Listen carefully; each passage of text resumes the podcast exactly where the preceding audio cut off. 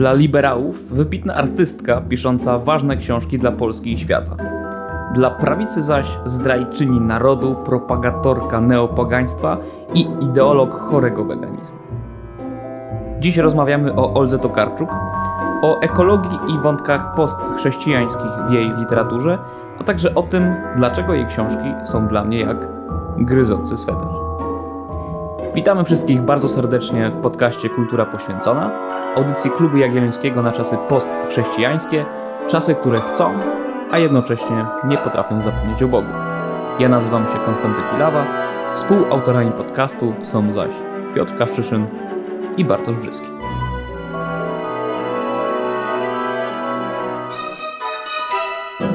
Dzisiejszą rozmowę chciałem podzielić na trzy części. Po pierwsze, w ogóle odpowiedzieć na pytanie, dlaczego zajmujemy się Olgą Tokarczuk w naszym podcaście poświęconym kulturze postchrześcijańskiej. I tutaj będziemy analizowali mm, dwie rzeczy, to znaczy mowę noblowską z 2019 roku zatytułowaną Czuły narrator, która stała się również tytułem publikacji, którą Olga Tokarczuk w 2020 roku opublikowała od razu po po otrzymaniu literackiej nagrody Nobla. I druga rzecz to jest opowiadanie Tokarczuk, kalendarz ludzkich świąt opowieści, z opowieści bizarnych z 2018 roku. I to jest pierwsza część.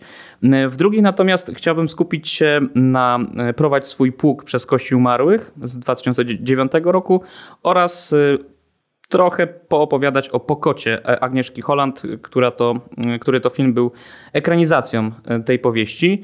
I tutaj będziemy zastanawiać się oczywiście na temat relacji Olgi Tokarczuk z tematami ekologicznymi.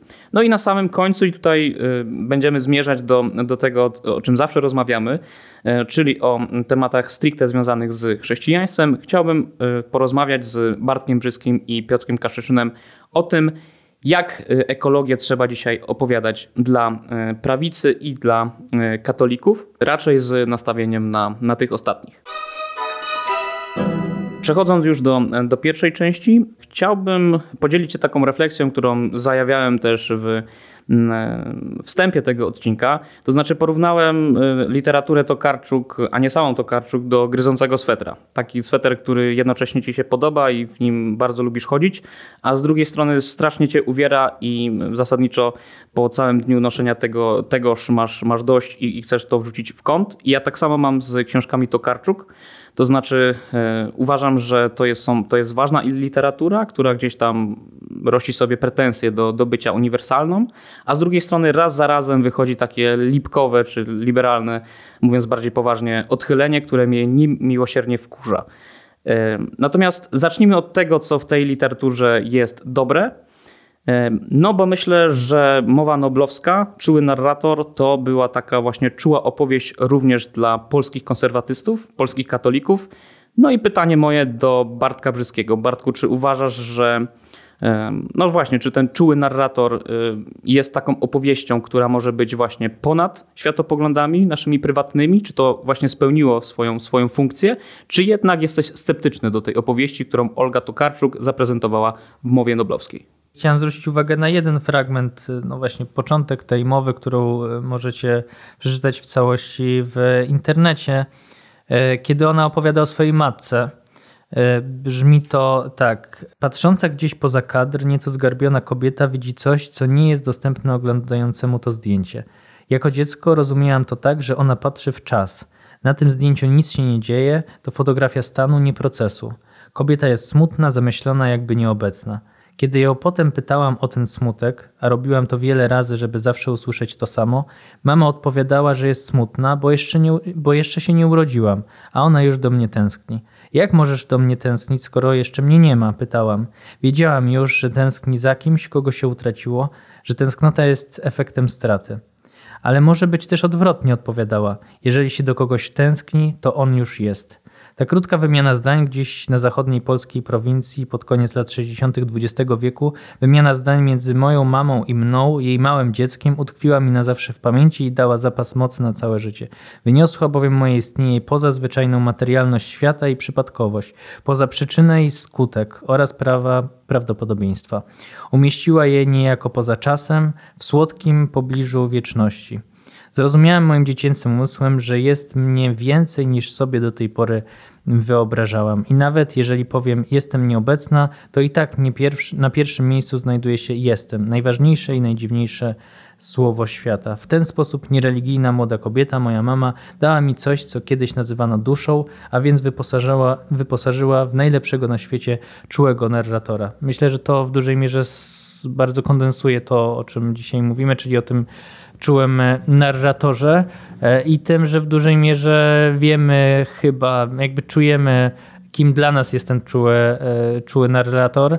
E, Olga Tokarczuk nazywa to czymś, co kiedyś było duszą, to nadała jej jej matka i do tego właściwie i w jej opowieściach i w tym co pisze, jak pisze, e, w dużej mierze gdzieś to cały czas e, przebija i w tym sensie to jest bardzo uniwersalne, e, to jest bardzo zrozumiałe, bardzo no właśnie postchrześcijańskie w tym sensie, że przecież to są takie kody, które my doskonale rozumiemy, więc nie jest trudno pytanie, czy chcemy to robić, tak? Ale nie jest trudno Olgę Tokarczuk ochrzcić w jakimś sensie. Ja myślę, że Olga sama e, w tej, przynajmniej w tej mowie noblowskiej, próbuje puścić oczko do, do swoich również katolickich czy chrześcijańskich, czy może postchrześcijańskich czytelników, bo przecież tam wprost pojawia się cytat z Genezis, ona zastanawia się, kto tam mówi i właściwie ten narrator, który czyta myśli Boga, to jest, to jest właśnie ten, ten czwartoosobowy narrator, czuły narrator, o, której, e, o, którego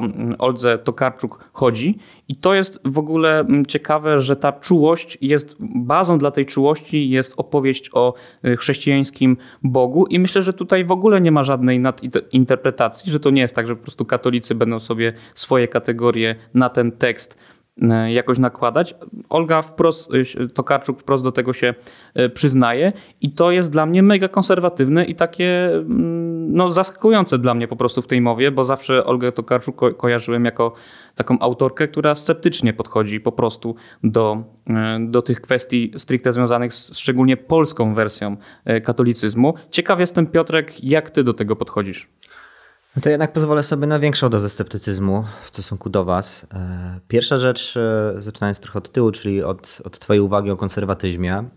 Rzeczywiście, jeżeli konserwatyzm postrzegać jako pragnienie odnalezienia w chaotycznym świecie pewnego ładu i porządku, E, pewnego mm, e, no właśnie ładu uniwersalnego, który proponuje nam jakiś ponadjednostkowy sens, w którym większa część ludzi się może odnaleźć, to rzeczywiście ta koncepcja e, czwartoosobowego narratora ma być właśnie jakąś taką figurą, która pozwala po prostu swoim spojrzeniem objąć całość świata i całość naszego życia, naszej egzystencji i nadać mu jakiś taki właśnie wyższy, e, wyższy cel, jakby bardziej wspólny dla, dla dużej części ludzi. Mm, tylko e, pytanie brzmi, czy właśnie taki czwartoosobowy narrator, który tak naprawdę jest super niesprecyzowany, on jest tak naprawdę w jakiś sposób beztreściowy. E, I teraz nawiązuję do tego, co powiedział Bartek. Ja nie tyle mam poczucie, że ona jest postchrześcijańska, co ona jednak trochę jest pozachrześcijańska, w takim sensie, że ten wymiar sakralny, o, który, o którym ona E, mówi w, e, w, w swoim wystąpieniu noblowskim. E, też odwołuję się do tego cytatu, który powiedział Bartek. To jest jednak pozbawione tak naprawdę konkretnej treści. Tak, jakby tam to sakrum jest w ogóle pozainstytucjonalne, tam jakby nie ma kapłanów, nie ma żadnego kościoła, nie ma tak naprawdę specjalnie rytuałów.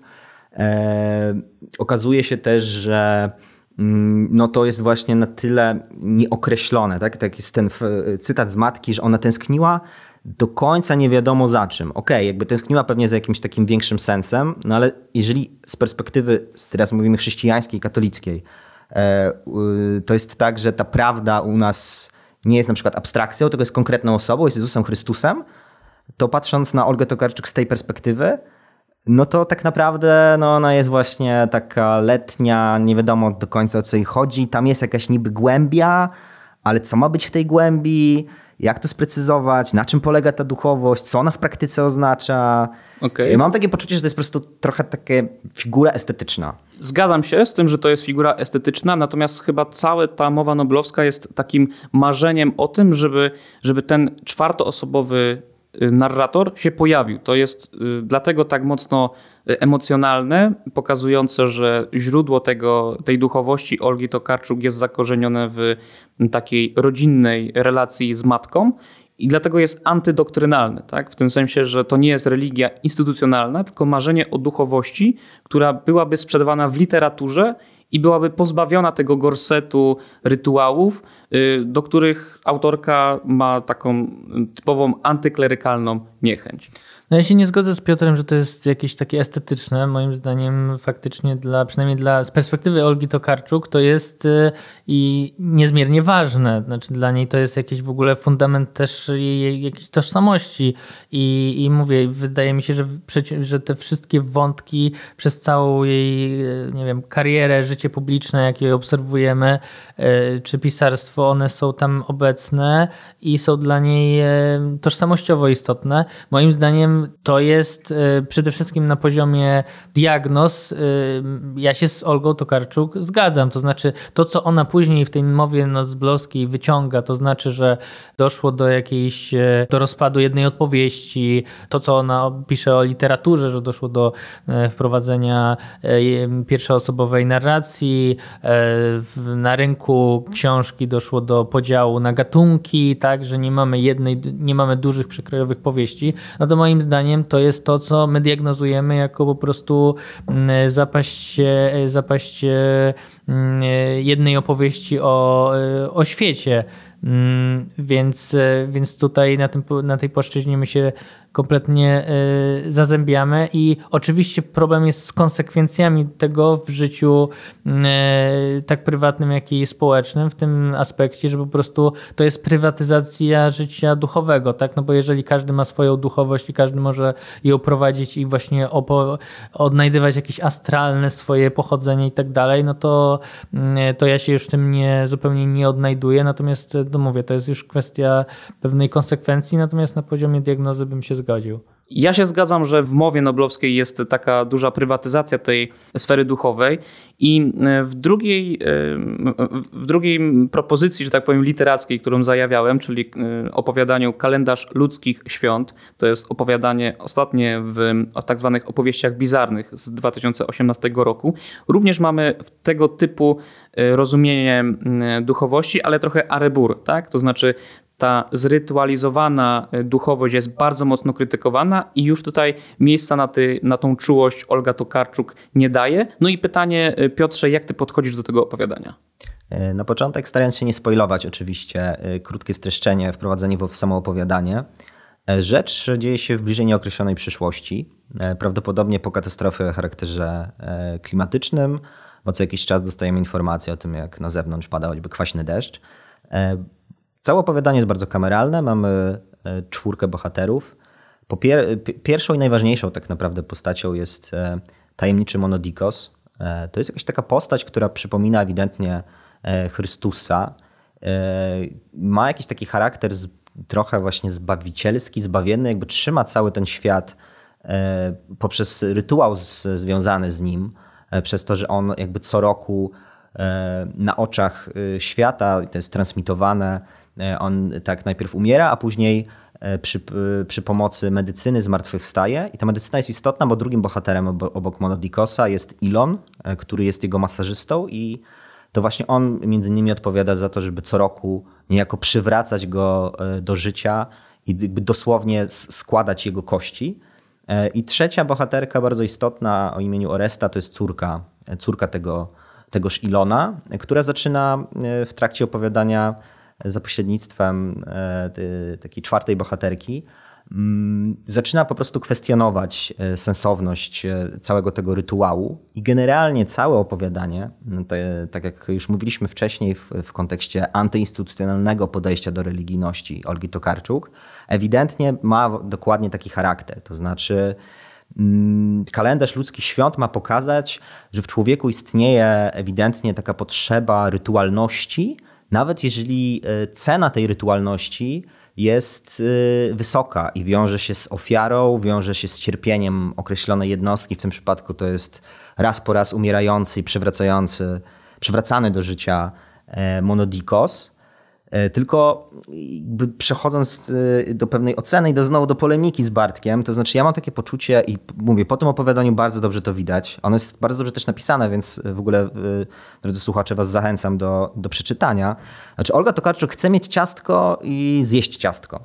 To znaczy z jednej strony jest to pragnienie uniwersalnej opowieści o świecie, uniwersalnej duchowości, ale z drugiej strony jest super niechęć do instytucjonalności, jest super niechęć e, do kapłaństwa, super niechęć do pewnej doktryny. Jest takie super indywidualistyczne podejście, tak jak e, Bartku mówiłeś, że każdy może sobie e, stworzyć własną religijność, taka religijność do it yourself, tak? taka trochę new age'owa, nie do końca określona. Tylko, że jeżeli wybieramy taką religijność, która jest bardzo prywatna, osobista, skupiona właśnie na przykład taka rodzinna, skupiona na relacji z matką, no to kurczę, sorry, ale ona nie może być uniwersalizowana. To znaczy, moja teza jest bardzo prosta. No jeżeli e, chcesz mieć uniwersalną opowieść, to musisz mieć uniwersalny, instytucjonalny nośnik do tego. Musisz mieć kapłanów, musisz mieć jakiś kościół i musisz mieć doktrynę. A Olga Tokarczuk nie chce tego ewidentnie z jakichś powodów, e, boi się tego. No więc jakby próbuje snuć te opowieści o uniwersalności, które moim zdaniem po prostu w jej uniwersum nigdy nie zostaną zrealizowane. Tak, tutaj się zgadzam z tą krytyką, ona jest słuszna, ale do tego opowiadania podszedłem trochę inaczej. Nie chcę teraz y, tobie, Piotrze, jakby sugerować, że w, swoim, y, w swojej wypowiedzi i interpretacji tego y, opowiadania interpretujesz to podobnie w duchu do rzeczy. Tygodnik prawicowy jakiś czas temu zrobił, zrobił numer poświęcony, poświęcony właśnie Tokarczuk i i Radkowi Rakowi.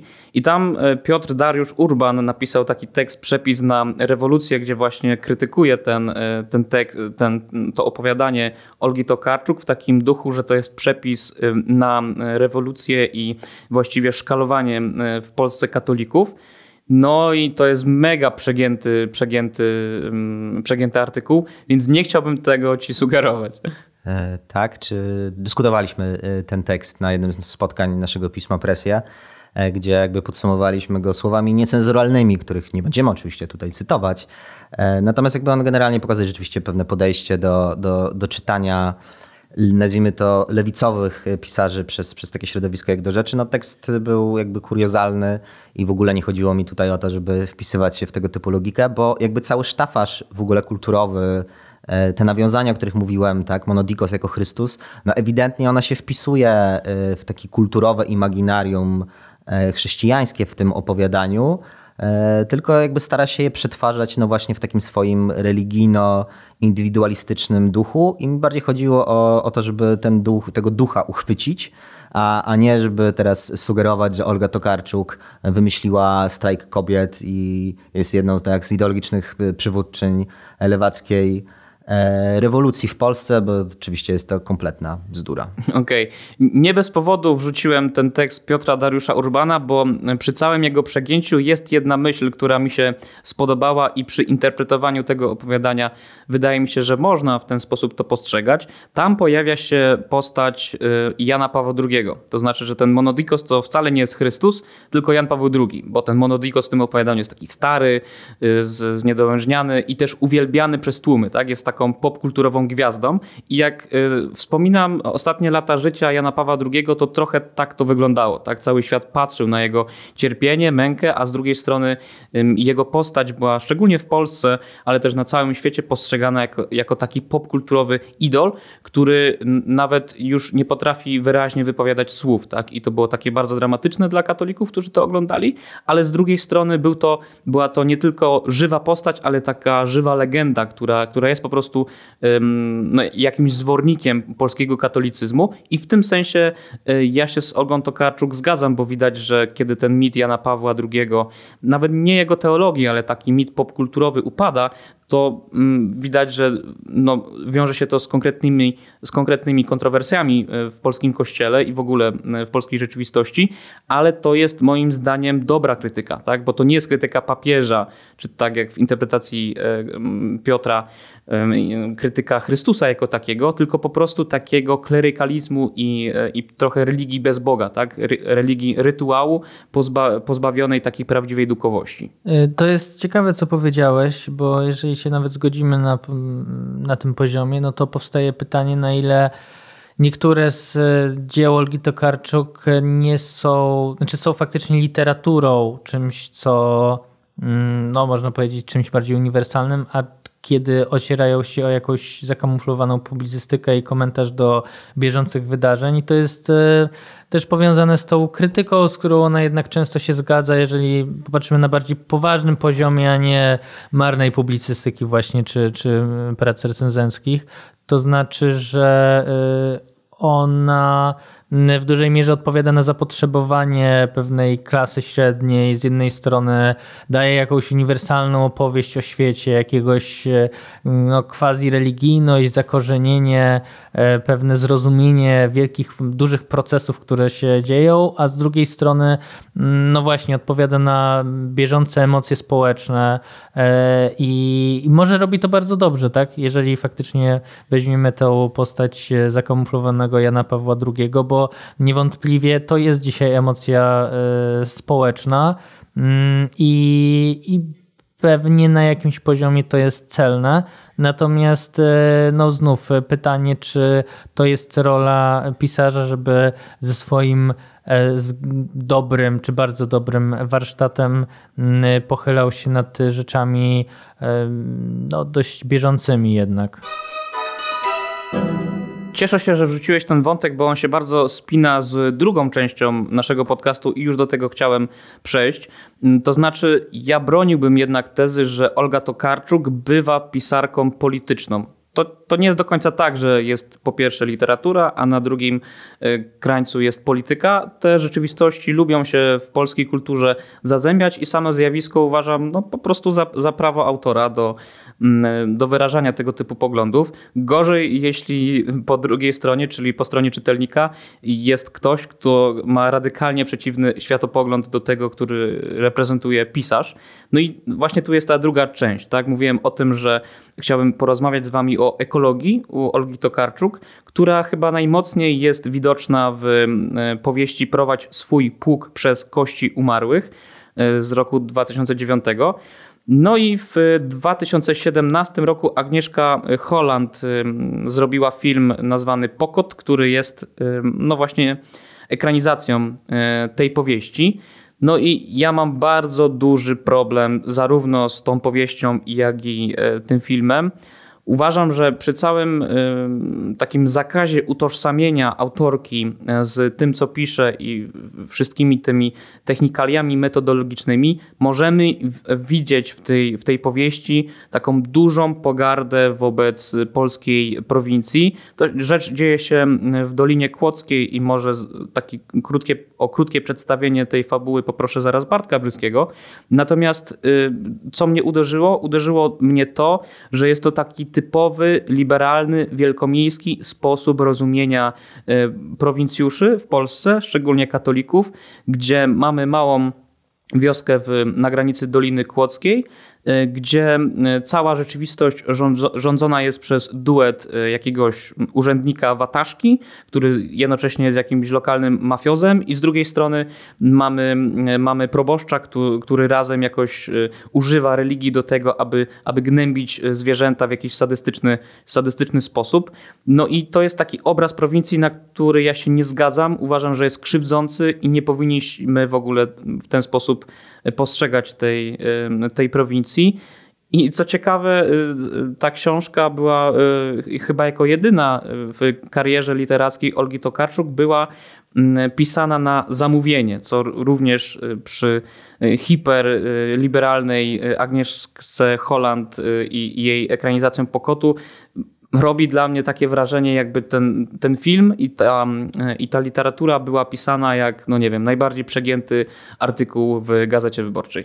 No, myślę, że przede wszystkim musielibyśmy właśnie y, trochę się pochylić nad samym rynkiem wydawniczym, bo to jest zabawne, że z jednej strony Olga Tokarczuk pisze w tej, czy mówi w tej noblowskiej mowie o tym, że no jak bardzo właśnie ten rynek wydawniczy niejako przymusza czy generuje treści, tak, przez to oczekiwania marketingowe co do sprzedaży, przez to, że e, no właśnie bardziej pisarze są zmuszeni, żeby pisać to, co jest modne lub e, co będzie kupowane, a niekoniecznie to, co jest dobre czy wartościowe.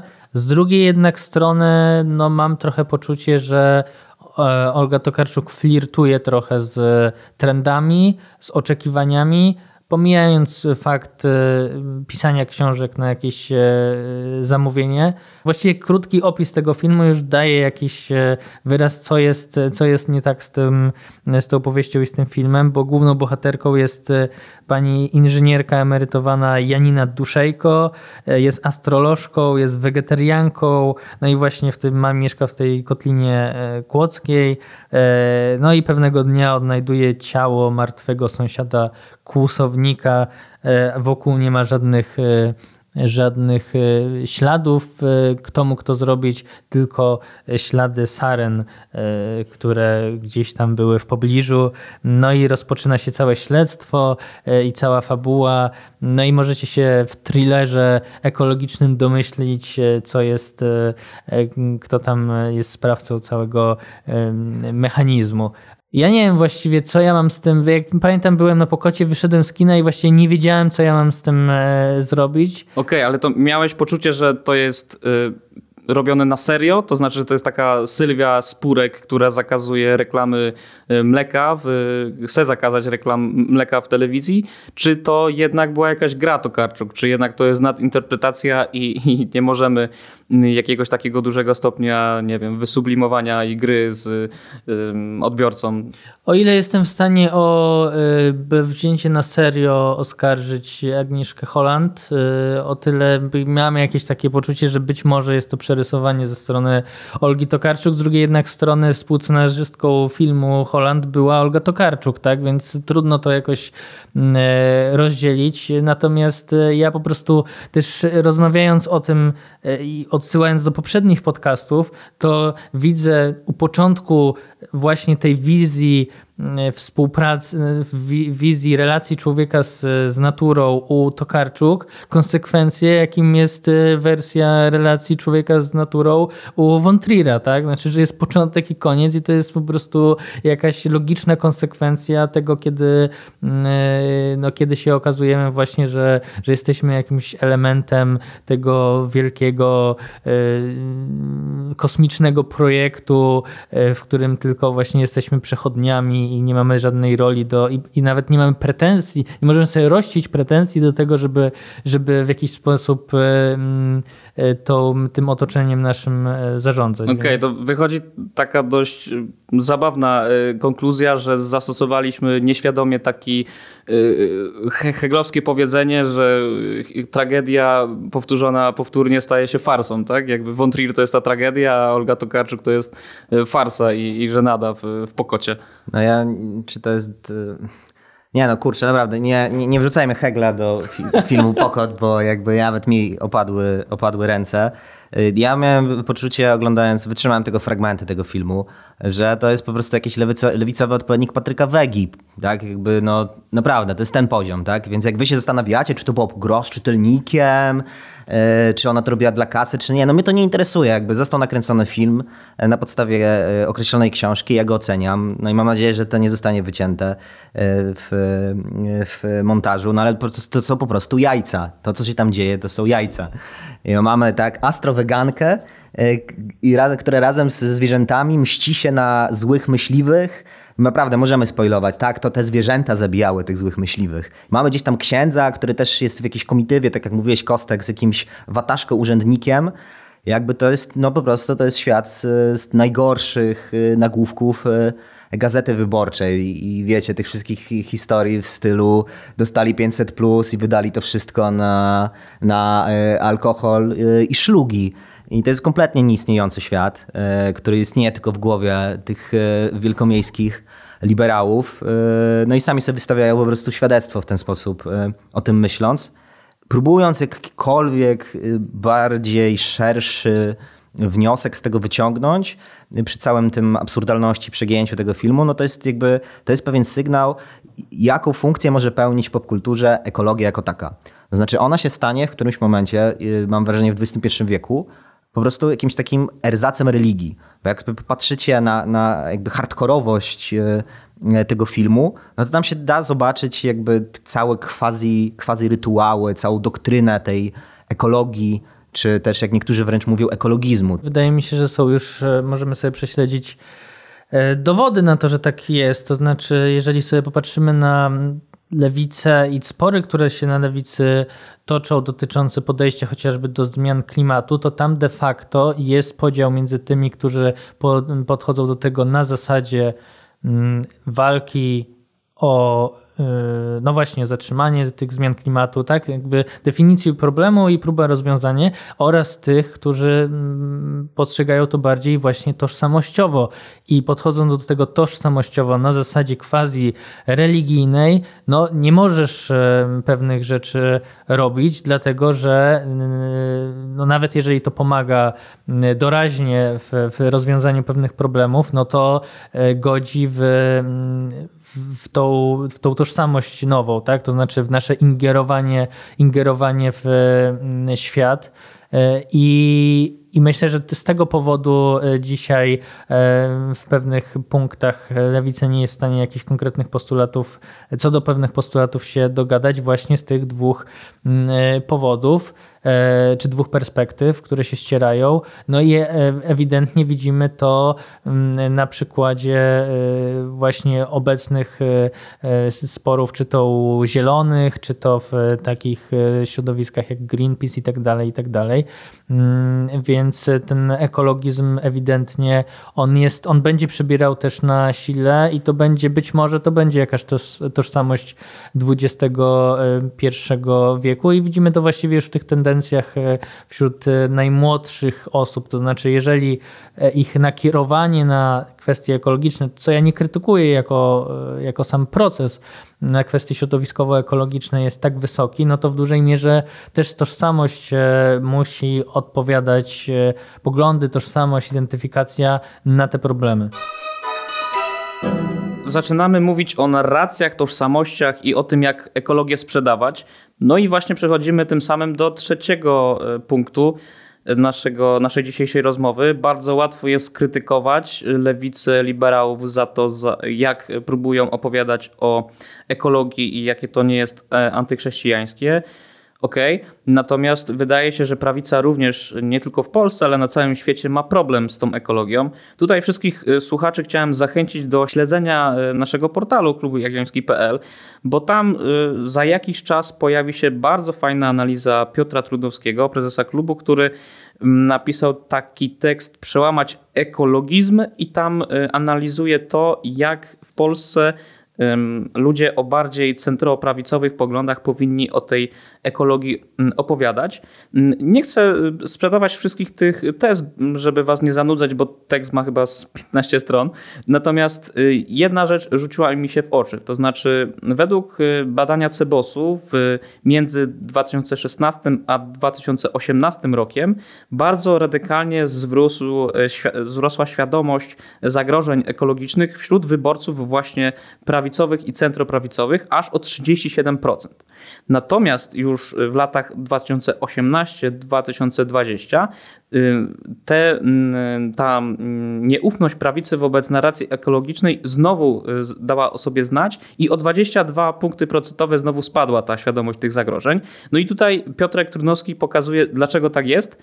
No bo między 2016 y, a 2018 rokiem mieliśmy do czynienia z bardzo mocnym hypowaniem tematu smogu który jest taki lokalistyczny, który mm, został, y, cała kampania została nakręcona w Krakowie, później w Warszawie, Wrocławiu i było to bardzo takie oddolne i ludzie mogli poczuć y, no, złą jakość powietrza na, na, no, na własnym nosie, można powiedzieć. A z drugiej strony między 2018 a 2020 zaczyna się bardzo mocna ingerencja tej narracji globalistycznej, ekologicznej i Greta Thunberg z takim mocno, mocno emocjonalnym, uznawanym w Polsce za lewicową właśnie taką agendę, która zniechęciła wyborcy, wyborców centroprawicy do, do tych tematów. No i konkluzja jest jasna, tak? W Polsce, żeby mówić o tematach ekologicznych, szczególnie dla tych ludzi mm, bardziej z prowincji, o których rozmawialiśmy przy okazji Pokotu, no to trzeba mówić im o tym, że ekologia jest czymś bliskim y, ich samych, tak? Ich, ich przyzwyczajenia, ich poszanowanie do oszczędności i tak dalej. Te wszystkie cnoty, które już w tych ludziach są, y, ludziach prowincji, powinny być sprzedawane w takiej nie pedagogice wstydu, że wy nie jesteście świadomi tak jak Greta Thunberg, ale y, jakiejś dumy z tego, jak ta y, ekologia już wygląda i na czym możemy bazować, żeby być jeszcze bardziej ekologiczni. No i tutaj bardzo krótko chciałem jeszcze zapytać Ciebie, Piotrze, jak ty do takiej narracji podchodzisz? To znaczy, czy uważasz, że tego typu sprzedawanie ekologii to jest konieczność? I jakie są zagrożenia, jeśli mm, uznasz, że, tak, że to jest konieczność? E, wydaje mi się, że rzeczywiście taka strategia bardziej mm, przyziemno-pragmatyczna, to znaczy odwołanie się do konkretnych e, interesów. Tak mówiłeś o tym, że mamy ten nos i tak czujemy ten smog zawsze. E, no to jest jakby zdecydowanie bardziej, moim zdaniem, trafia po prostu do ludzi i to trafia w sposób skuteczniejszy niż, no właśnie, jakby ta przywołana Greta Thunberg z tą swoją zaciętą miną, e, z tym jakimś takim przekonaniem, e, że teraz wszyscy muszą zachować czystość e, ideową i tak dalej, i tak dalej, gdzie jakby jest no właśnie te wysokie C moralne, tak, tak wysokie, że po prostu ludzie mają taką, tak dużą barierę wejścia w to, że nie są, nie są w stanie sprostać tej czystości ideowej. Mm, więc e, tak, jakby pod tym kątem e, jestem zdecydowanie zwolennikiem strategii pragmatycznej, a nie strategii e, ideologicznej. Tylko we wspomnianym tekście Piotrka bym przestrzegał przed jedną rzeczą, to znaczy mm, pójściem teraz w drugą stronę. Sam przed chwilą tak mówiłem o tym, że liberałowie wielkomiejscy E, tworzą sobie jakiegoś kompletnego chochoła prowincji, to zagrożenie w drugą stronę jest takie, że my przyjmiemy postawę taką, wiecie, ludomańską, chłopomańską, że teraz powiemy, że skoro, co jest prawdą, e, mieszkańcy prowincji, e, ich ślad węglowy po prostu jest, jest mniejszy niż mieszkańców dużych miast i to są konkretne dane, E, to, że teraz po prostu popadniemy w taki hura optymizm i stwierdzimy, dobra, tam już wszystko jest ok, jakby wystarczy tylko właśnie narracyjnie nazwać, że ich postawa jest ekologiczna i że jakby to jest po problemie. No nie jest, no jakby nagrywamy w Krakowie e, i wszyscy wiemy, e, tak, chłopaki, że największy problem z, z tym smogiem, największy problem z paleniem wynikał z palenia we wsiach wokół Krakowa, tak? Więc to prowincja E, paliła i jakby zasmogowała nam tę nieckę, co oczywiście jest dalej bardzo skomplikowane, bo część tych ludzi paliło dlatego, że e, po prostu nie stać ich było na bardziej ekologiczne źródła e, bardziej ekologiczne źródła ciepła, ale część, część paliła dlatego, że było im po prostu wygodniej, chcieli się pozbyć śmieci. tak, i to już nie jest kwestia ekonomiczna, która często jest pomijana w debacie publicznej, ale po prostu ci ludzie palili tak no, bo mogli. I co mi możecie zrobić? To jest mój dom, moja sprawa, moje śmieci. Ja tu adwocem, broniąc też tekstu Piotra, dlatego że e, on w ogóle na to palenie śmieci inaczej e, prowokacyjnie, ale inaczej na to patrzy. On e, na to patrzy w sposób taki, że ludzie, którzy palą te śmieci, mają poczucie, że maksymalnie wykorzystują wszystkie zasoby, które mają, tak? Że śmieci też są jakimś zasobem, z którym oni mogą jeszcze coś zrobić. Po co wyrzucać, nie wiem, e, no jakieś rzeczy, skoro można je palić i mieć jeszcze ciepło. Więc to nie jest, więc to oczywiście dzisiaj o tym mówimy na zasadzie, że to jest takie złe. Natomiast to też jest, biorąc pod uwagę ostatnie lata, to też jest dosyć świeża sprawa takiej świadomości społecznej, tak? Jeżeli sobie porozmawiamy z naszymi, nie wiem, dziadkami, jak sądzę, to oni, no może do części dotarło już, jakby uświadomili sobie pewne rzeczy, natomiast w dużej mierze Myślę, że Piotrek tu ma rację, to znaczy, że e, doświadczenie też PRL-u, tego, że nie wiem, jak kuchnia nasza wygląda, tak, że nie wiem, że z mięsa trzeba było właściwie wszystko zjeść, żeby nic się nie zmarnowało, bo ciągle były jakieś problemy z, z zasobami. Myślę, że w jakimś sensie w świadomości społecznej te rzeczy e, zostawały i oczywiście to trzeba E, dzisiaj, wiedząc te rzeczy, e, trzeba rugować. Natomiast to jest pewne, no właśnie, kwestia jakiejś oszczędności, e, gospodarowania rzeczami jest mimo wszystko dobra. Więc to jest kwestia tego, jak my teraz to wykorzystamy. No bo faktycznie, znów, jak pojedziemy gdzieś na prowincję, raczej mamy tam często jakiś, jakąś rodzinę czy dziadków, tak? No to jeżeli zobaczymy babci, po co jej obdrapany kubek, który widzisz od 30 lat, no ona ci powie, po co go wyrzucać, skoro on jeszcze jest dobry, albo to w ogóle jest mój ulubiony e, kubek, tak?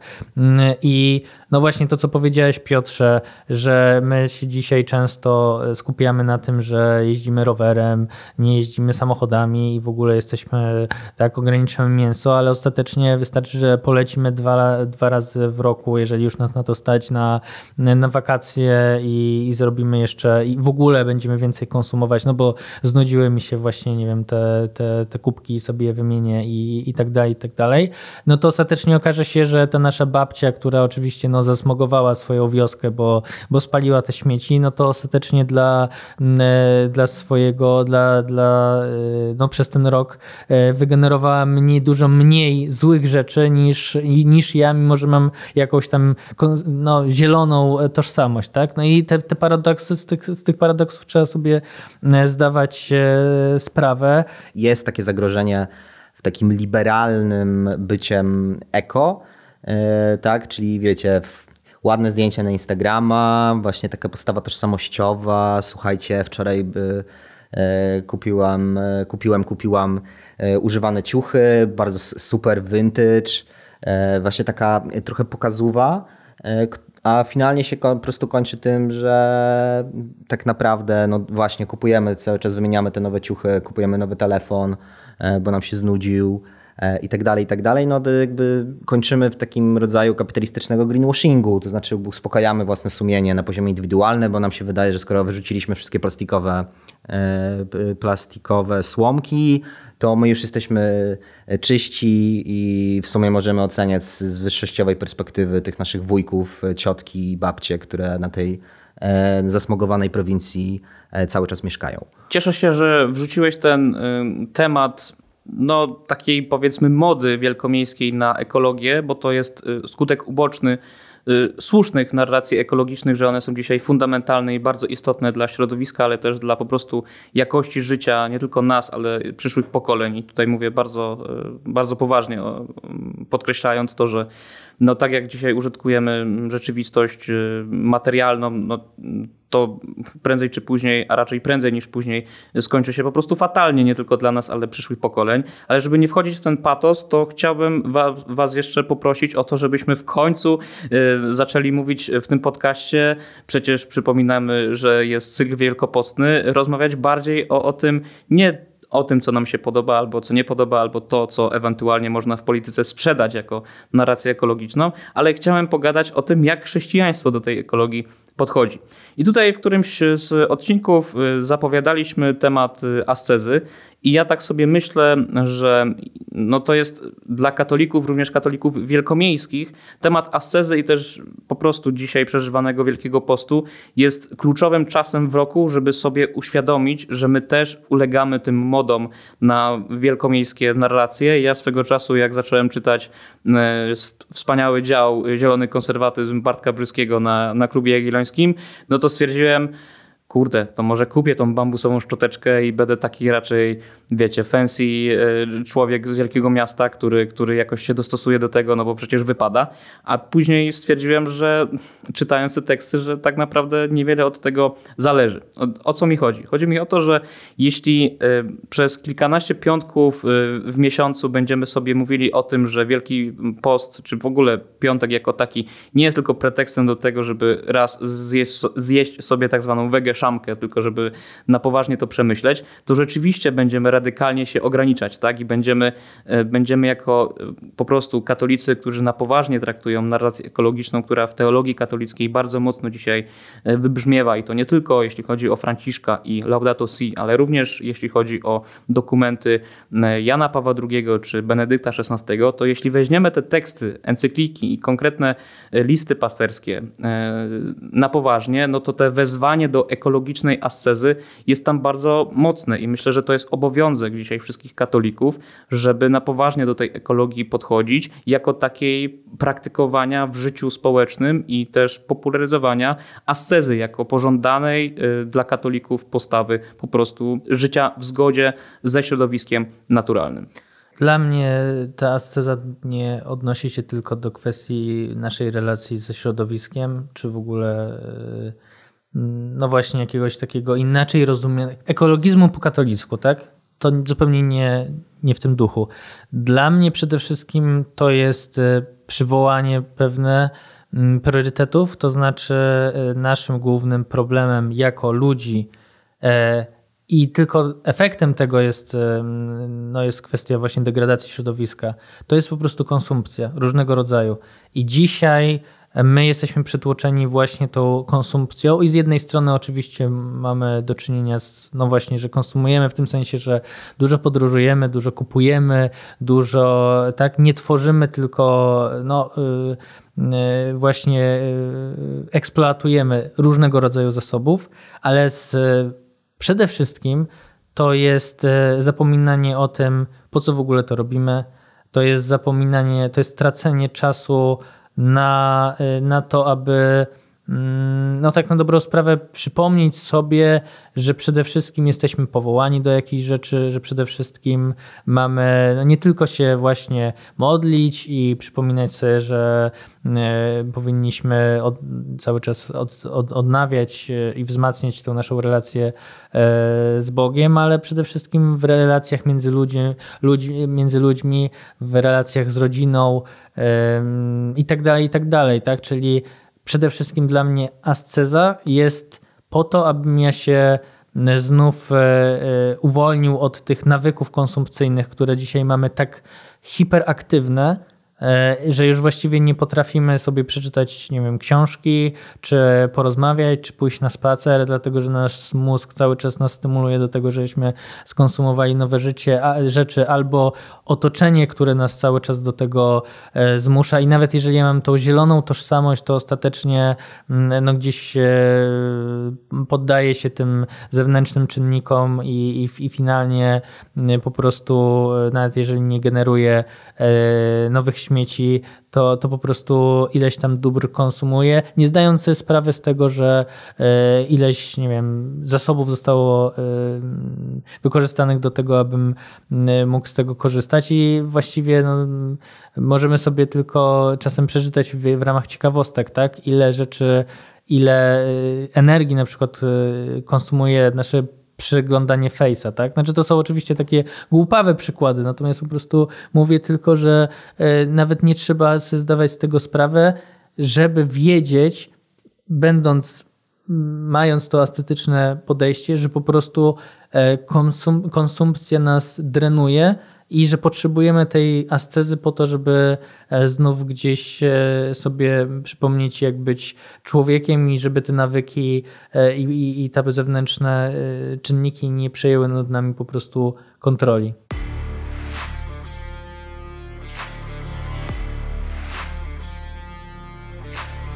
Jakiś czas temu dziękowałem za to, że w świecie Spotify'a i Apple Podcast nasza audycja coraz lepiej jest pozycjonowana i nasze odsłuchania rosną.